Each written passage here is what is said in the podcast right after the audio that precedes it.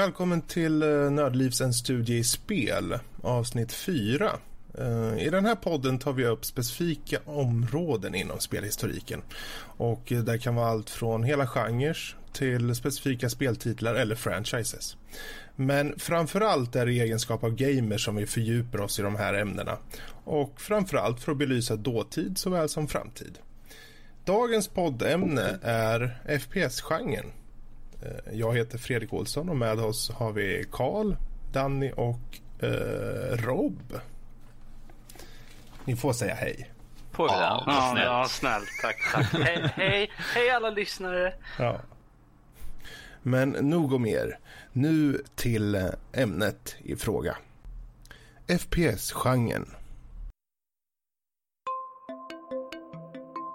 En genre som i mångt och mycket gjorde spelande till mainstream är första genren Eller FPS-genren i korthet. En genre med rötter i rymd och tanksimulatorer från 70-talet som utvecklades till att kulmineras i spelet Battlezone 1983. Ett spel som kom att släppas för hemdatorer och blev det första framgångsrika spelet i vektorgrafisk 3D-grafik. Genren låg i träda under många år med några få undantag, såsom Midi-Maze för Atari ST, men kom att först påbörja sin evolution in i det spelmediumet det är idag i och med id Softwares spel Hovertank 3D.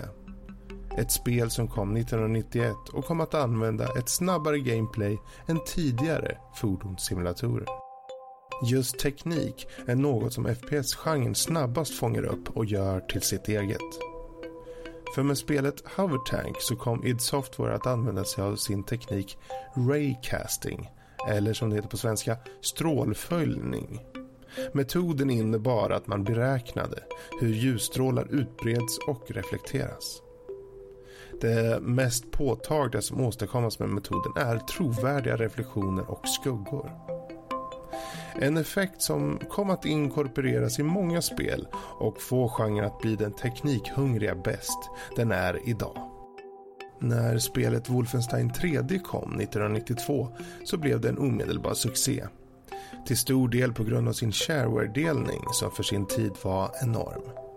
Wolfenstein ses av många vara det spel som på riktigt satte grunden för vad en modern förstapersonsskjutare bör vara.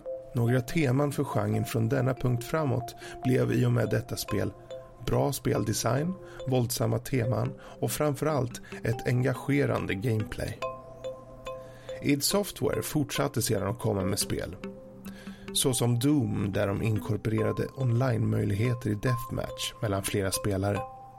Ett spel som till skillnad från Wolfensteins mer monotona och enkla nivåer hade en mer trovärdig 3D-miljö. Och där Wolfenstein kan ses som genrens fader så kom däremot Doom till att bli det mest vitala spelsläpp för första persons shooters som någonsin släppts då det gjorde genren öppen till allmänheten på ett helt nytt sätt. Fortsättningsvis så fortsatte genren frodas under 90-talet med spel som Heretic från Raven Software, Marathon från Bungie, Star Wars Dark Forces från LucasArts och Quake, än en gång från id Software.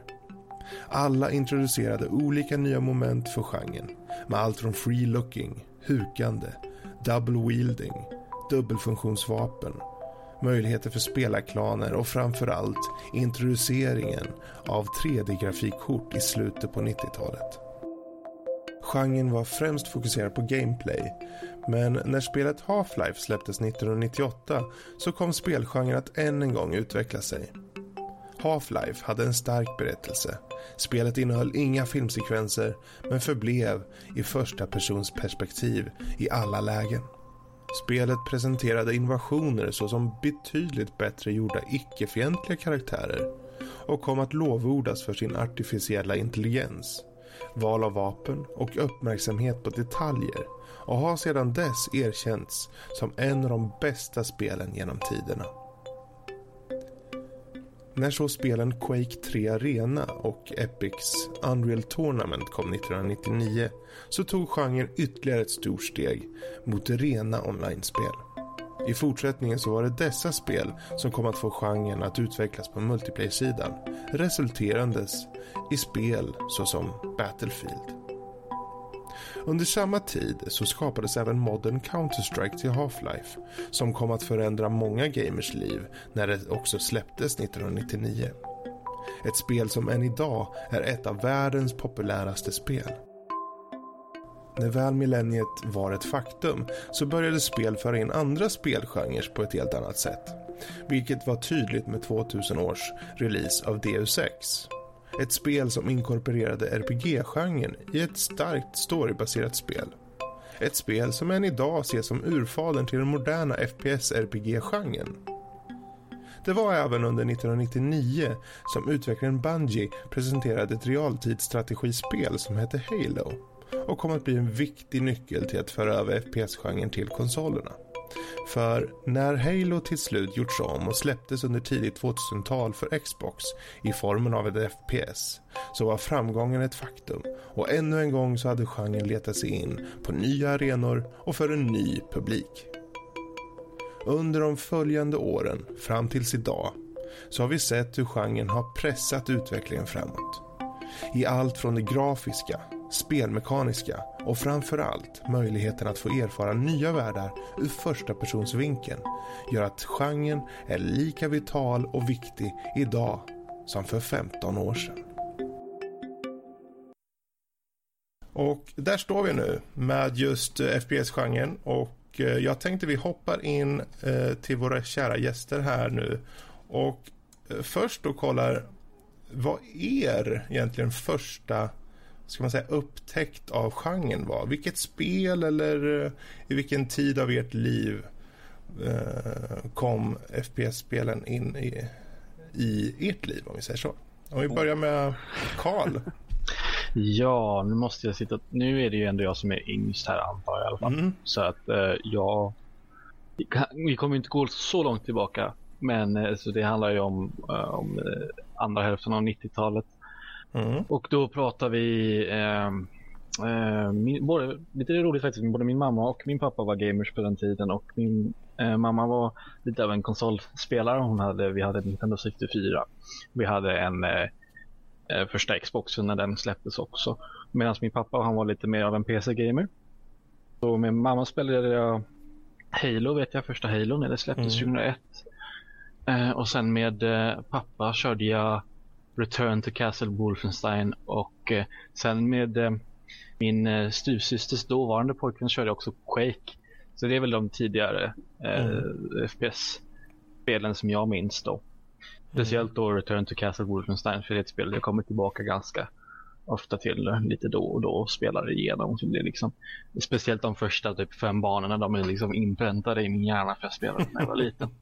Så att eh, det är så det ligger till för mig och sen mm. så har det bara gått därifrån. Jag var mycket inne i Halo länge, fram till Halo 4 ungefär och sen, ja, sen har det varit eh, Counter-Strike för det var det som var poppis i skolan och sådär. Mm. Och nu massa Counter-Strike igen. Mm.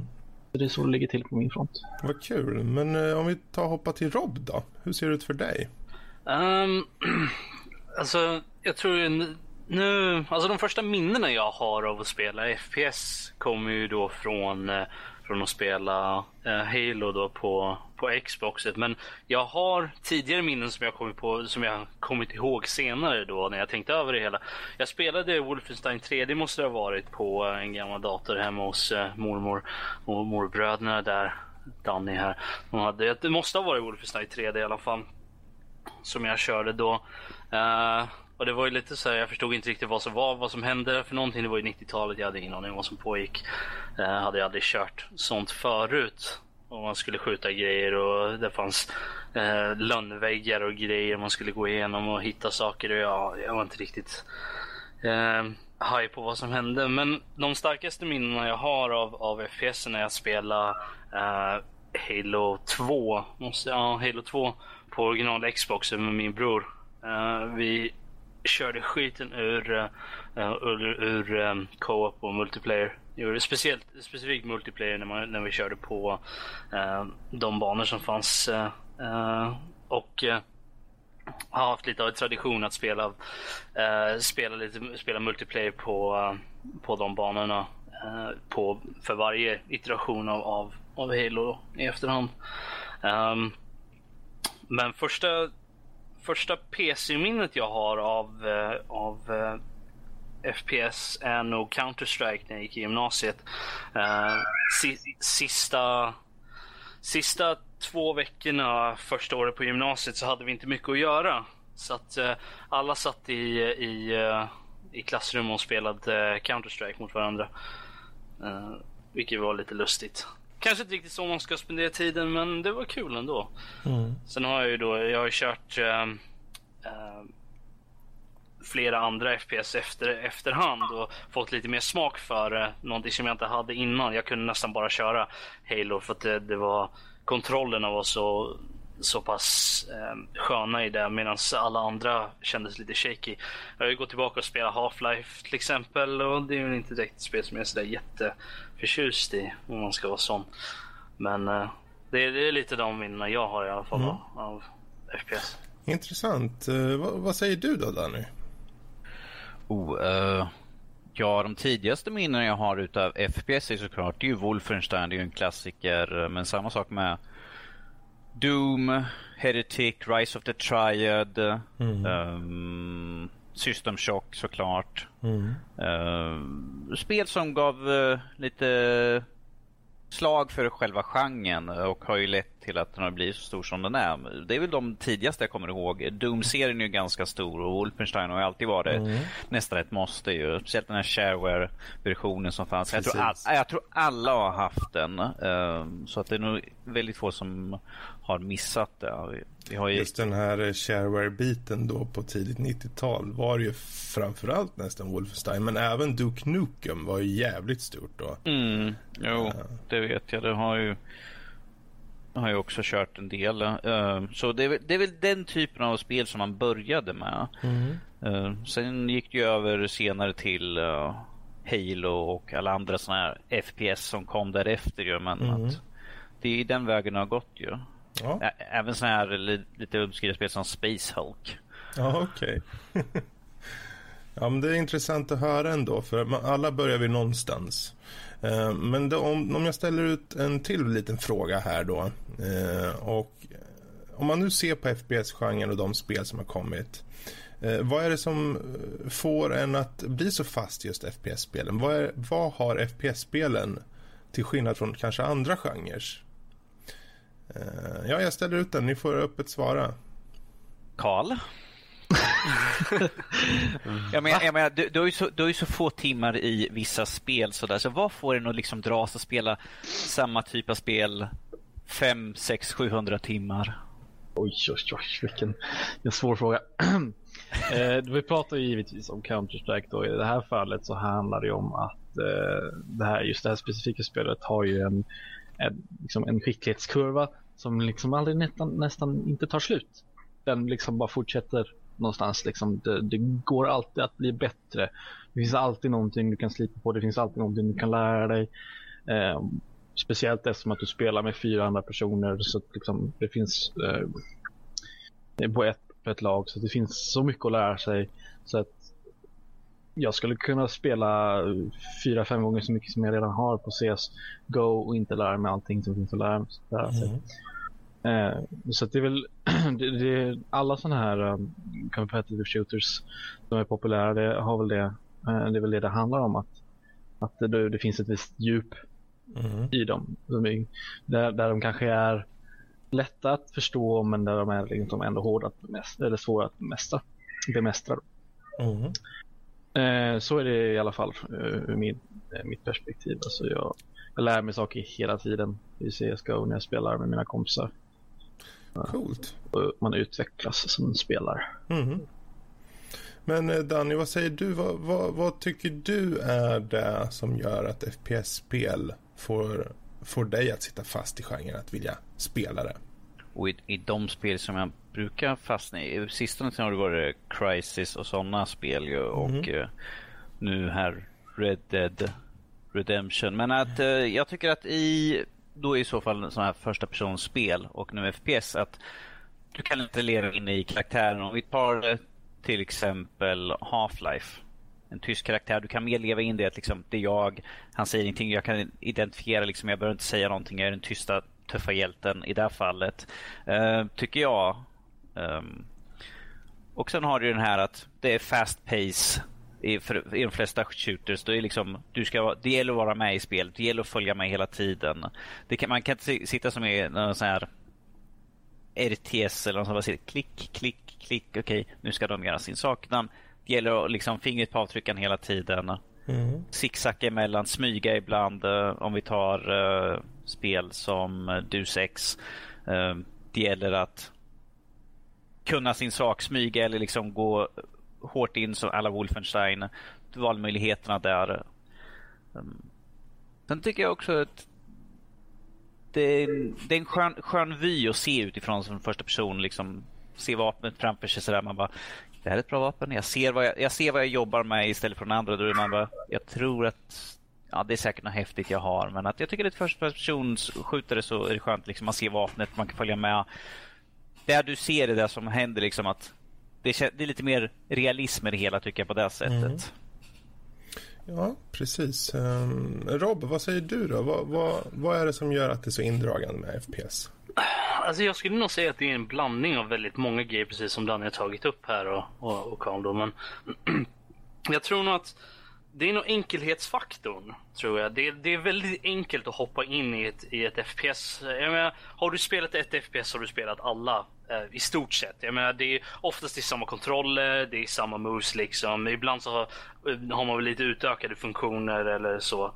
Um, uh, så att... Uh, det, det är du du kan bara gå in och, och sätta dig och spela. Mm. Du, så är det en bana du kör liksom. Så, så det blir enkelt. Sen, är, sen tror jag att det är mindre, um, vad ska man säga, det, det är mindre distractions. Det, det, när du spelar i tredje person så har du ju din karaktär liksom mitt på skärmen. Du håller koll på honom liksom och så har du det där runt omkring du måste titta på. Men när du spelar i ett FPS så så ser du ju ut från ögonen. Jag menar, som, som Danny sa, du är ju karaktären.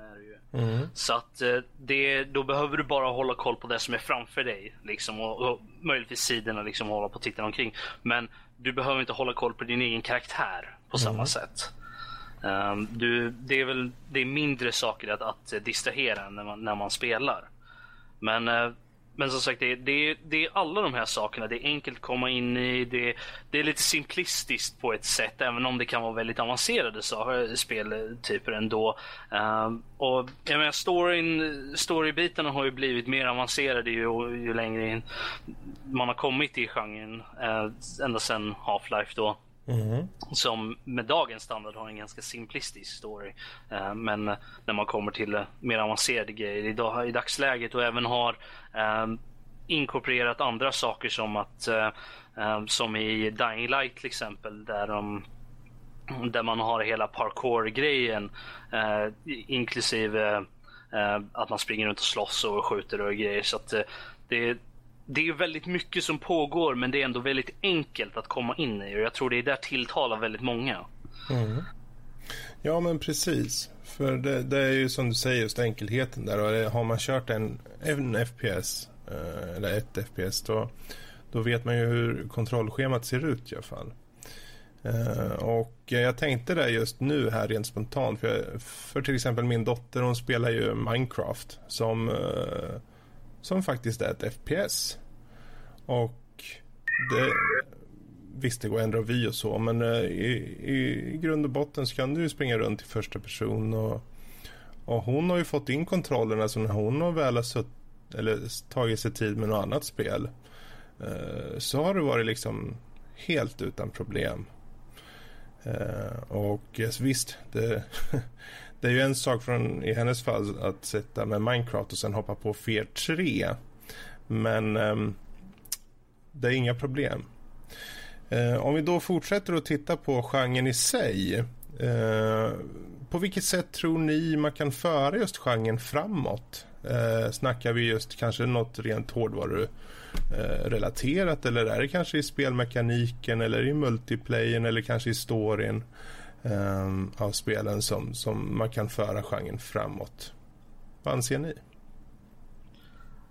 Alltså, jag, jag tror inte, jag tror inte eh, själva genren i sig har, har nått sin peak än, men jag tror vi börjar, det börjar närma sig, i alla fall, i alla fall när det kommer till eh, eh, spelmekaniken. Vi har ju sett, som, som jag nämnde, Dying Light där man har inkorporerat så väldigt mycket olika typer av, av, av eh, del, eller olika delar av många olika andra spel i sig och har nått en väldigt eh, um, maxad sak inklusive mm. alla RPG-element och sånt där. Men hårdvarumässigt så har vi ju uh, all VR-teknik och sånt där som kommer och, och jag tror nog att FPS-genren är, är nog den som skulle som uh, gör sig bäst i en sån form i, i en, i en VR-format eftersom man ser från ögonen eh, olika karaktärer man spelar då. Det är ju det som eh, hela Oculus Rift och alla sådana där, även den här full body grejen där man faktiskt rör sig omkring, man står stilla på någon jävla platta och man är inkopplad och allt sånt där så att man faktiskt rör sig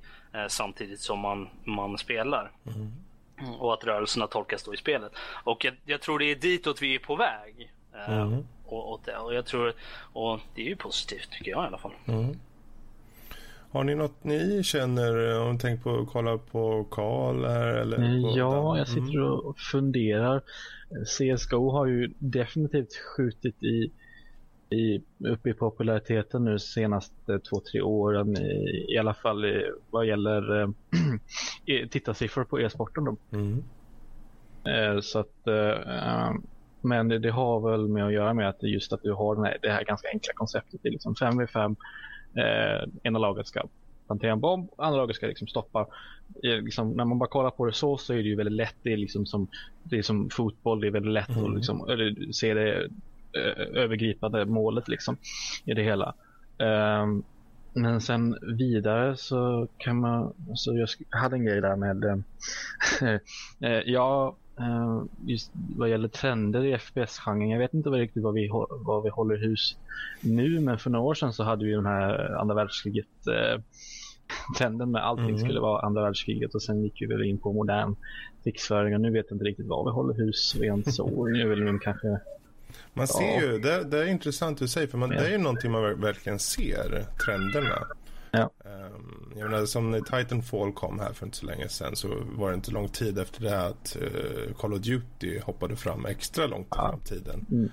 Uh, och uh, är det inte så att ett spel, jag menar det fanns ett tag som det kom western FPS och det fanns en tid mm. med mer, betydligt mer science fiction FPS, kanske till och med Deus Ex-tiden där. Så det, uppenbarligen finns det trender som kommer och går liksom. Um, och det, då, visst, kan, man kan ju tänka också, finns det några subgenrer till FPS? Uh, eh, för det antar jag att det gör också. Jag menar, om man tittar på...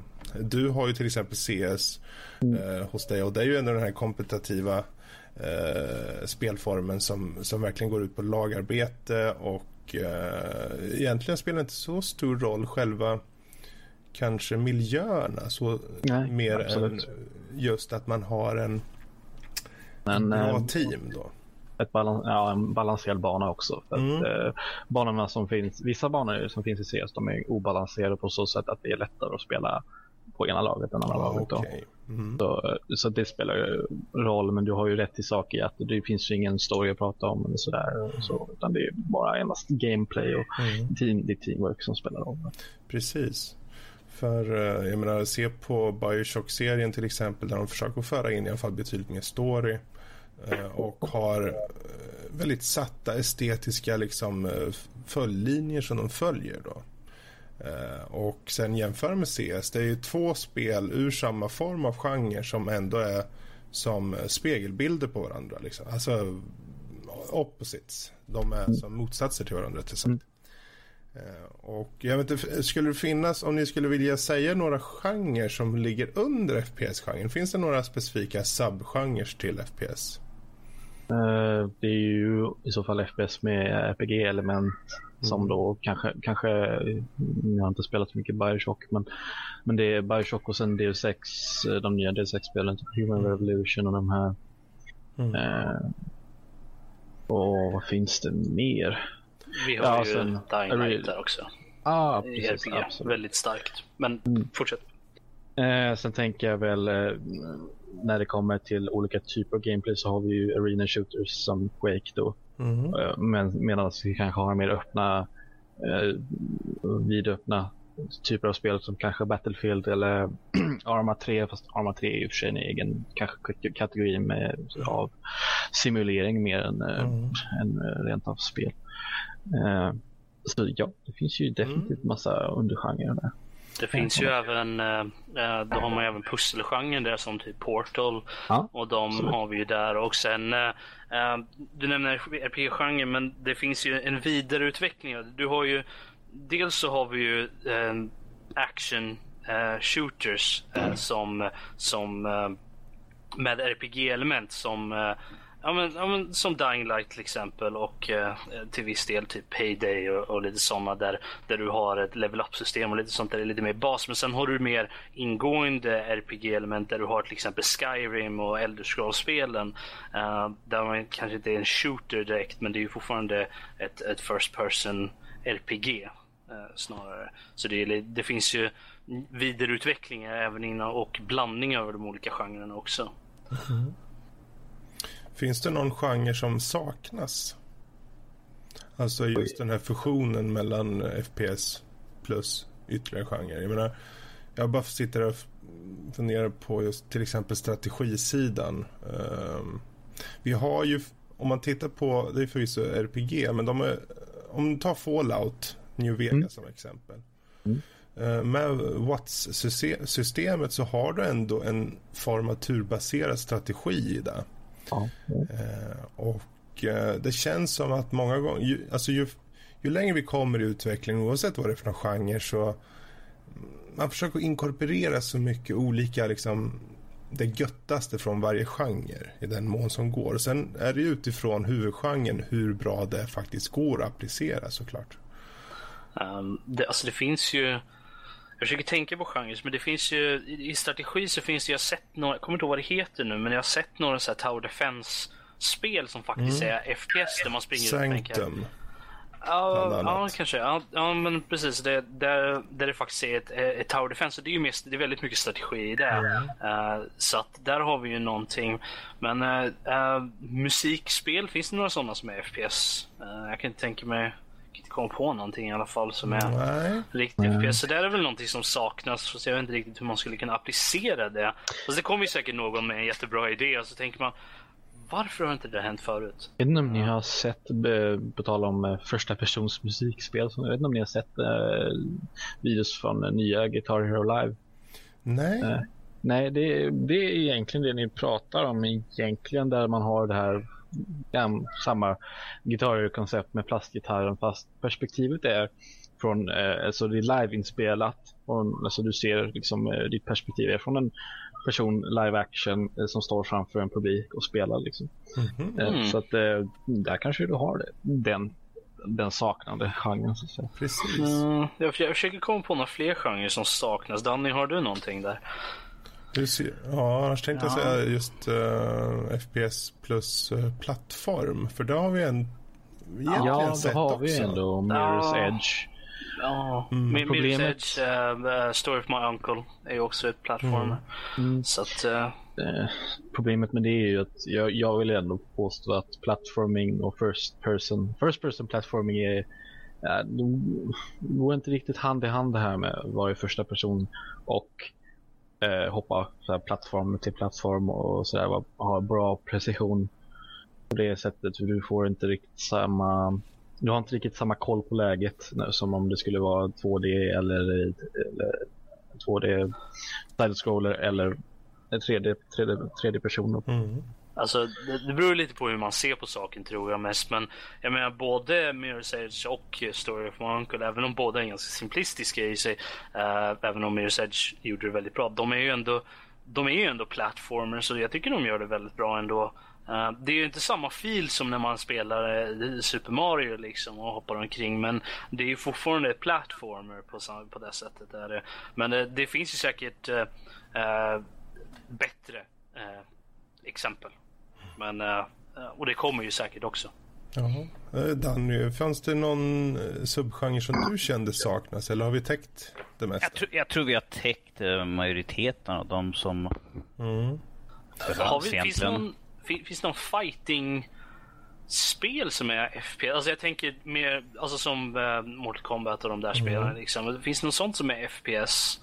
Jag kan inte komma på någonting. Jag är inte så insatt i den genren så jag, jag, vet faktiskt inte. Är det någonting det är, kan komma på? Det är intressant. Alltså, det, jag, jag, kan bara komma på tidigare spel, typ Condemned, just för det här med att du hade bara saker att slå med. Liksom. Det, mm, man ryckte inte... loss grejer från väggen och ja. sånt det där spelet. Ja. Och ibland annars... hade man, man, hade man ju vapen. Då. Ja, annars men, så men tänker inget... jag bara på... Fanns det inte något boxningsspel i första person? Eller i alla fall alltså, vi hade ha... väl... Vi hade ju... Fast det, där var det ju mysigt. Alltså, jag vet inte, jag tror inte det finns, men jag tror att med VR-teknologi och den här um, uh, body-grejen, liksom att man rör hela kroppen liksom och visar, så kan jag tänka mig att det skulle kunna bli någonting mm. att ha en, ett, ett, ett riktigt så här, boxningsspel och så. Um, det, det, det, kommer nog kan jag tänka mig i, i och med att uh, teknologin utvecklas. Mm. Så kan jag tänka mig att det kommer bli en grej. Men uh, jag vet inte om det finns just i dagsläget. Nej. Eh, Danny, jag kom på det. Jag fick inte svar från din sida. Om du kanske har något du tänkte på vad gäller just den föregående frågan. På vilket sätt man kan föra FPS-genren framåt. Vänta, har du något du vill tillägga på den? Uh, som jag spelar då så tycker jag att fortfarande tänka på att ha en väldigt involverande storyline mm. som gör att liksom, det berättigar liksom varför du gör det du gör, varför du springer omkring och kanske skjuter en hundratusen personer. Eh, jag menar utan bra storyline så är det liksom du bara ute och skjuter. Du kan väl lika gärna säga att ja, men det, är, det är hatred fast i första person. Du går bara omkring och skjuter folk för höga nöjets skull. Mm. Uh, och då blir det liksom så här, why? Det mm. känns liksom lite meningslöst. Men bra storyline mm. tycker jag i, uh, i FPS är väldigt bra för att du ska ju ha något som driver framåt. Eh, du ska ha bra AI tycker jag eh, som counterpart till dig själv. Liksom, ifall du sitter i en tuff eh, situation så att de kanske kan komma in och hjälpa istället för att man bara står och tittar. Min gubbe står precis bredvid men han gör absolut ingenting. Och nu skjuter de på honom. Han står fortfarande och stirrar framåt. Ja, yeah, okej. Okay. Alltså, ja. bra spe story, spelmekanik, väldigt viktigt i FPS. Liksom att, och AI, både på dina egna och fina. För jag menar, ifall, ifall inte någon utmaning så varför sitta och spela? Mm. Ja, jag kan inte riktigt komma på ett bra FPS där de faktiskt har AI Companions. Jag skulle vilja se någonting som Mass Effect i, i den eh, genre i den riktningen. Fast FPS det vore ju någonting eh, med en sån involverad story, en sån här br riktig branching storyline. Man har ju sett lite av sånt. Jag, menar, jag vet ju att Skyrim och, och, och Fallout och lite sådana, de, de, är ju lite åt det hållet. Men jag vet inte riktigt hur, hur långt de tar det riktigt. Eh, på, på um, i, i det på det sättet riktigt mm. Eh, i, som Mass Effect och, och Bioware-spelen där, liksom, där de verkligen allting du gör har en, har en påverkan liksom. Nej, precis. Um, Okej, okay, men uh, jag tänkte om vi går vidare just här till den sista frågan egentligen. Och det är ju då om man nu ska tipsa om spel inom FPS-genren.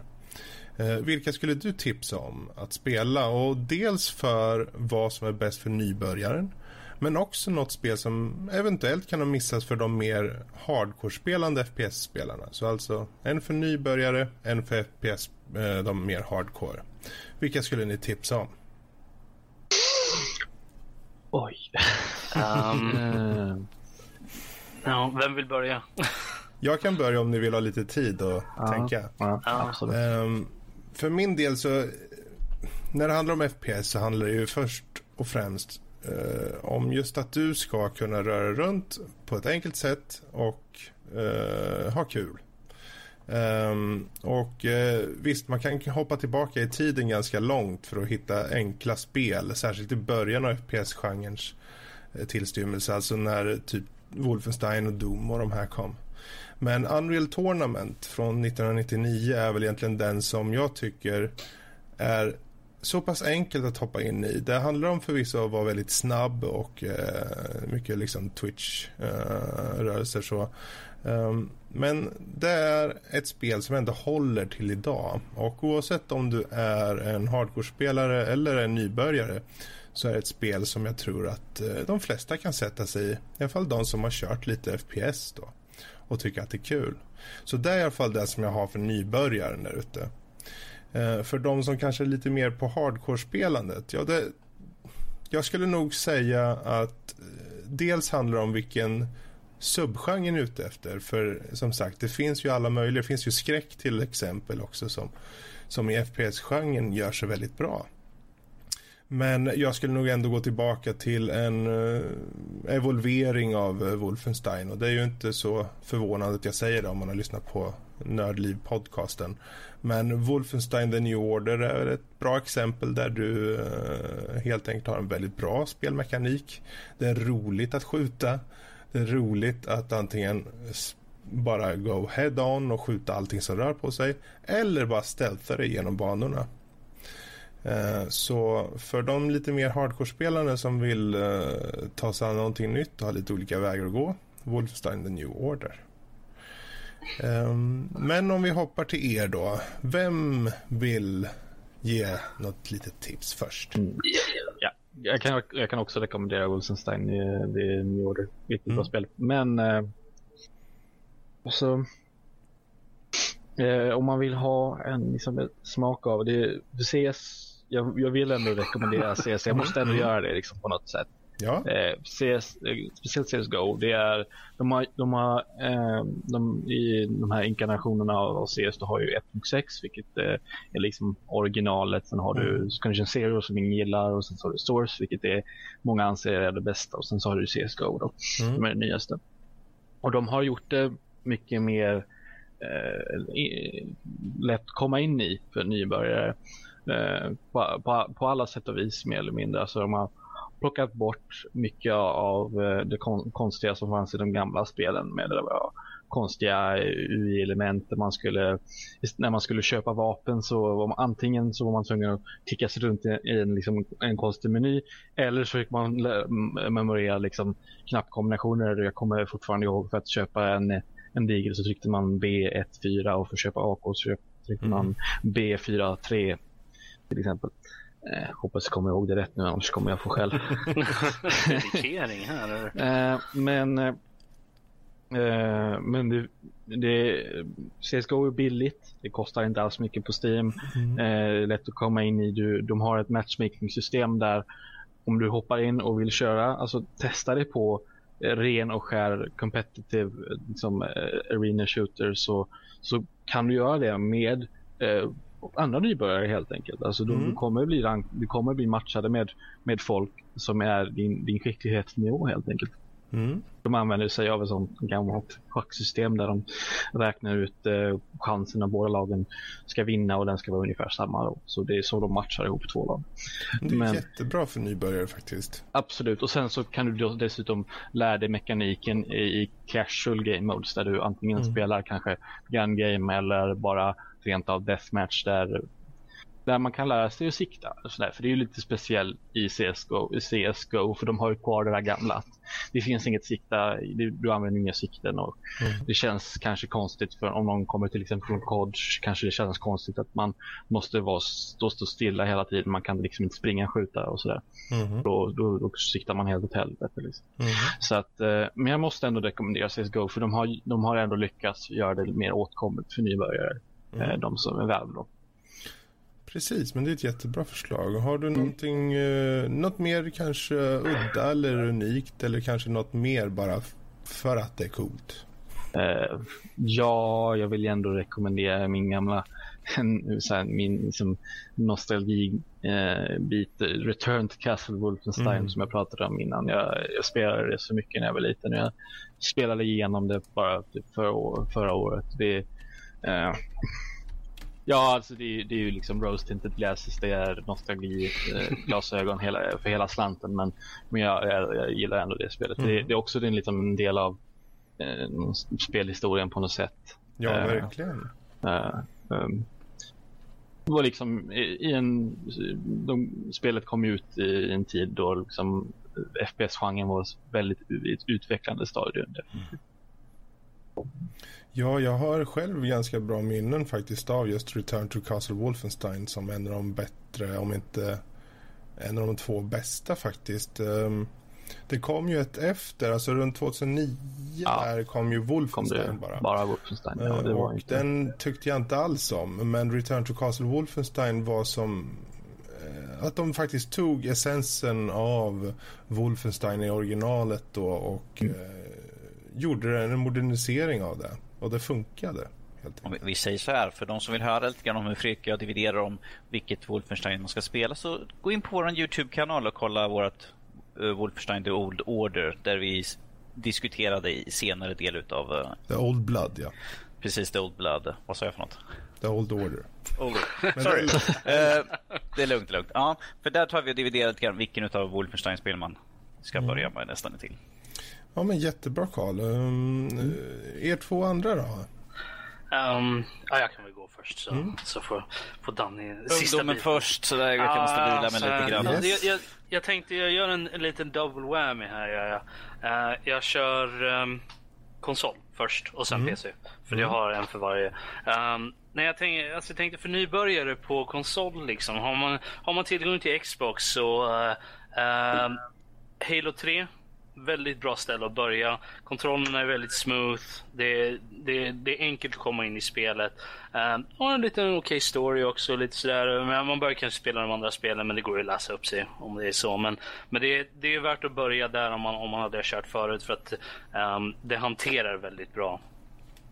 Um, så att det, det, det, blir inte massa konstigheter. Uh, och för en mer avancerad bit där så uh, så skulle jag nog rekommendera Dishonored uh, i så fall. För att uh, där de changear upp grejer, det är lite mer magi, du kan hoppa runt lite sånt där. Det är lite mer avancerat mm. när det kommer till FPS. Där. På PC, vilket jag vet att många spelar, så ska man börja så Left 4 Dead, Left 4 Dead 2. Definitivt. Du kan köra det i single player. AI är helt är okej. Okay. Uh, det finns ju bättre, men Left 4 Dead 2, väldigt bra single player, story, uh, single player mode där. Det, du kör, kör det på normal, liksom, det är inte något problem. Du kommer in i spel, du kan köra easy, det blir lite enklare kanske. Uh, du dör inte lika mycket. um, men det är väldigt enkelt att komma in i det och lära sig hur man kör eh, FPS på PC. Eh, till exempel. vill man ha lite mer avancerat där så kan man ju gå till till exempel Dying Light.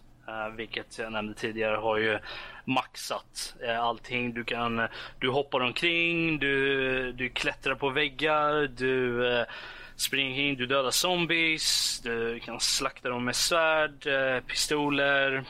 Det finns eh, lite möjliga, olika möjliga grejer. Du kan hoppa på zombies huvuden, eh, vilket är väldigt roligt. Eh, lite Mario där, men ehm, jag tycker att de, de, de håller sig väldigt bra. Nu är de båda zombiespel, men det är lite där vi är. Uh, känner jag ändå. Mm-hmm. Så jag, jag, tycker att de båda um, representerar lite olika spektrum inom samma uh, bit. Då, där Left 4 Dead är lite mer simplistiskt. Du springer inte och skjuter zombies. Liksom. Du har lite boss-zombies lite här och var som kommer. Uh, Medan i Dying Light, lite mer open world. Um, du kan göra lite mer grejer. Det finns, det finns mycket mer att hålla reda på. Lite uppgraderingssystem och lite sånt där. Mm. Um, så att du har lite mer um, Eh, möjligheter. Och jag tycker att de representerar eh, det väldigt bra. Mm. Jättebra. Uh, och så Danny då? Oh, uh, ja du, vad ska jag säga någonting? Nej, men jag tänkte mer uh, lite, lite, lite easy going, uh, lite snyggt, lite idylliskt. Så tänker jag säga Far Cry mm. faktiskt. öppen värld, det är väldigt fint att titta på. Um, jag tycker att det är ett bra, bra spel att börja med. Du kan leka runt bäst hur du vill ta dig fram i omgivningen, hur du vill ta dig till dina mål. Tänker eh, du på första då eller?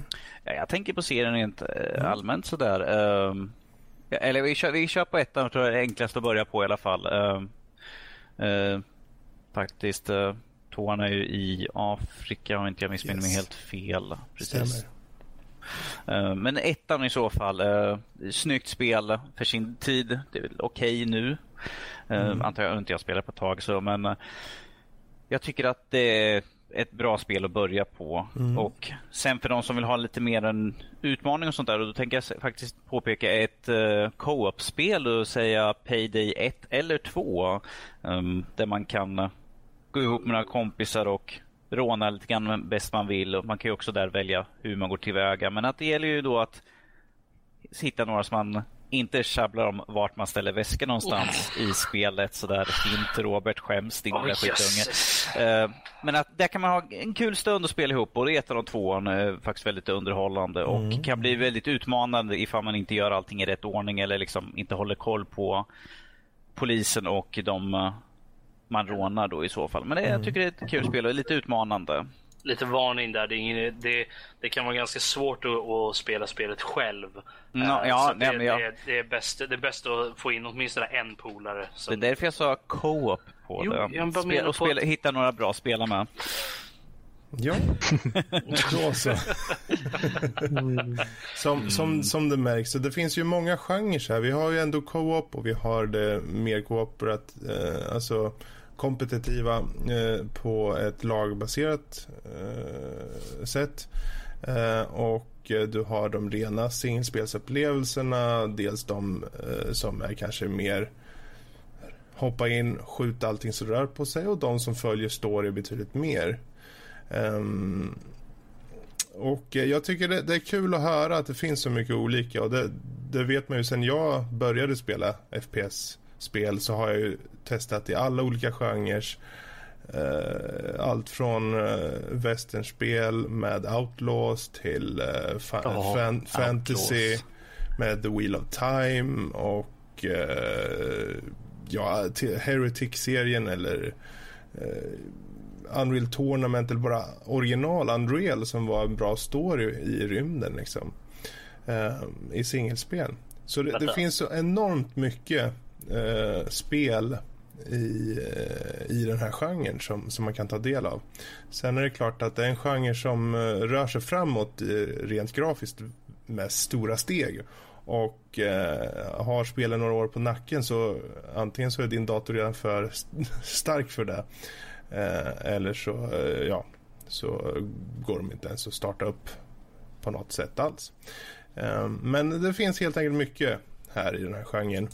Och eh, jag tycker vi tar och rundar av den här En studiespel på den här goda noten och eh, bara nämna det att eh, är det så att ni finner att det här var väldigt intressant med just FPS-genren då i det här avsnittet av en studiespel så mejla gärna in med andra förslag på genrer eller eh, spelutvecklare eller kanske designers vad som helst går bra. Spelfranchises, spel i sig.